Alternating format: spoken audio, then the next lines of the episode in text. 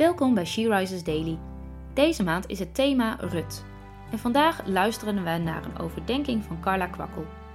We lezen uit de Bijbel Rut 1, vers 10. Toen barstte zij in tranen uit en zeide: Maar we willen met u terugkeren naar uw volk. Drie vrouwen in de rouw. Hun mannen zijn overleden en er is geen nageslacht.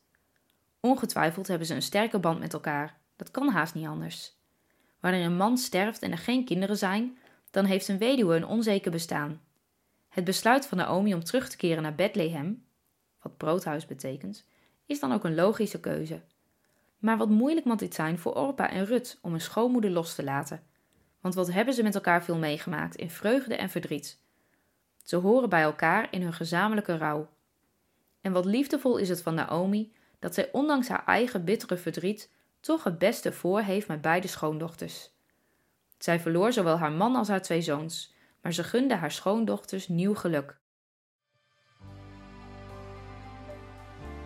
Heb jij situaties in je leven gekend waarin je soms voorbij je eigen pijn mocht kijken en juist naar het geluk van de ander?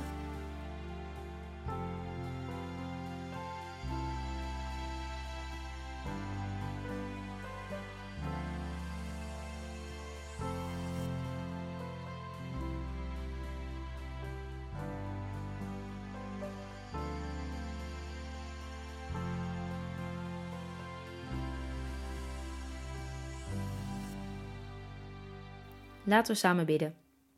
Hemelse Vader, wat is er in de wereld veel verdriet. Soms kan het ons overweldigen als we zelf door een tijd van rouw gaan. Dan is het zo begrijpelijk als alles even om ons draait. Wat is Naomi onbaatzuchtig, Heer, dat ze haar schoondochters vrijlaat om hun eigen keus te maken. Daar kunnen we zoveel van leren. Wilt u ons ervoor bewaren dat wij ons aan mensen vastklampen in plaats van onze troost bij u te zoeken? Amen. Je luistert naar een podcast van She Rises. She Rises is een platform dat vrouwen wil bemoedigen en inspireren in hun relatie met God. We zijn ervan overtuigd dat het Gods verlangen is dat alle vrouwen over de hele wereld Hem leren kennen. Kijk op www.she-rises.nl voor meer informatie.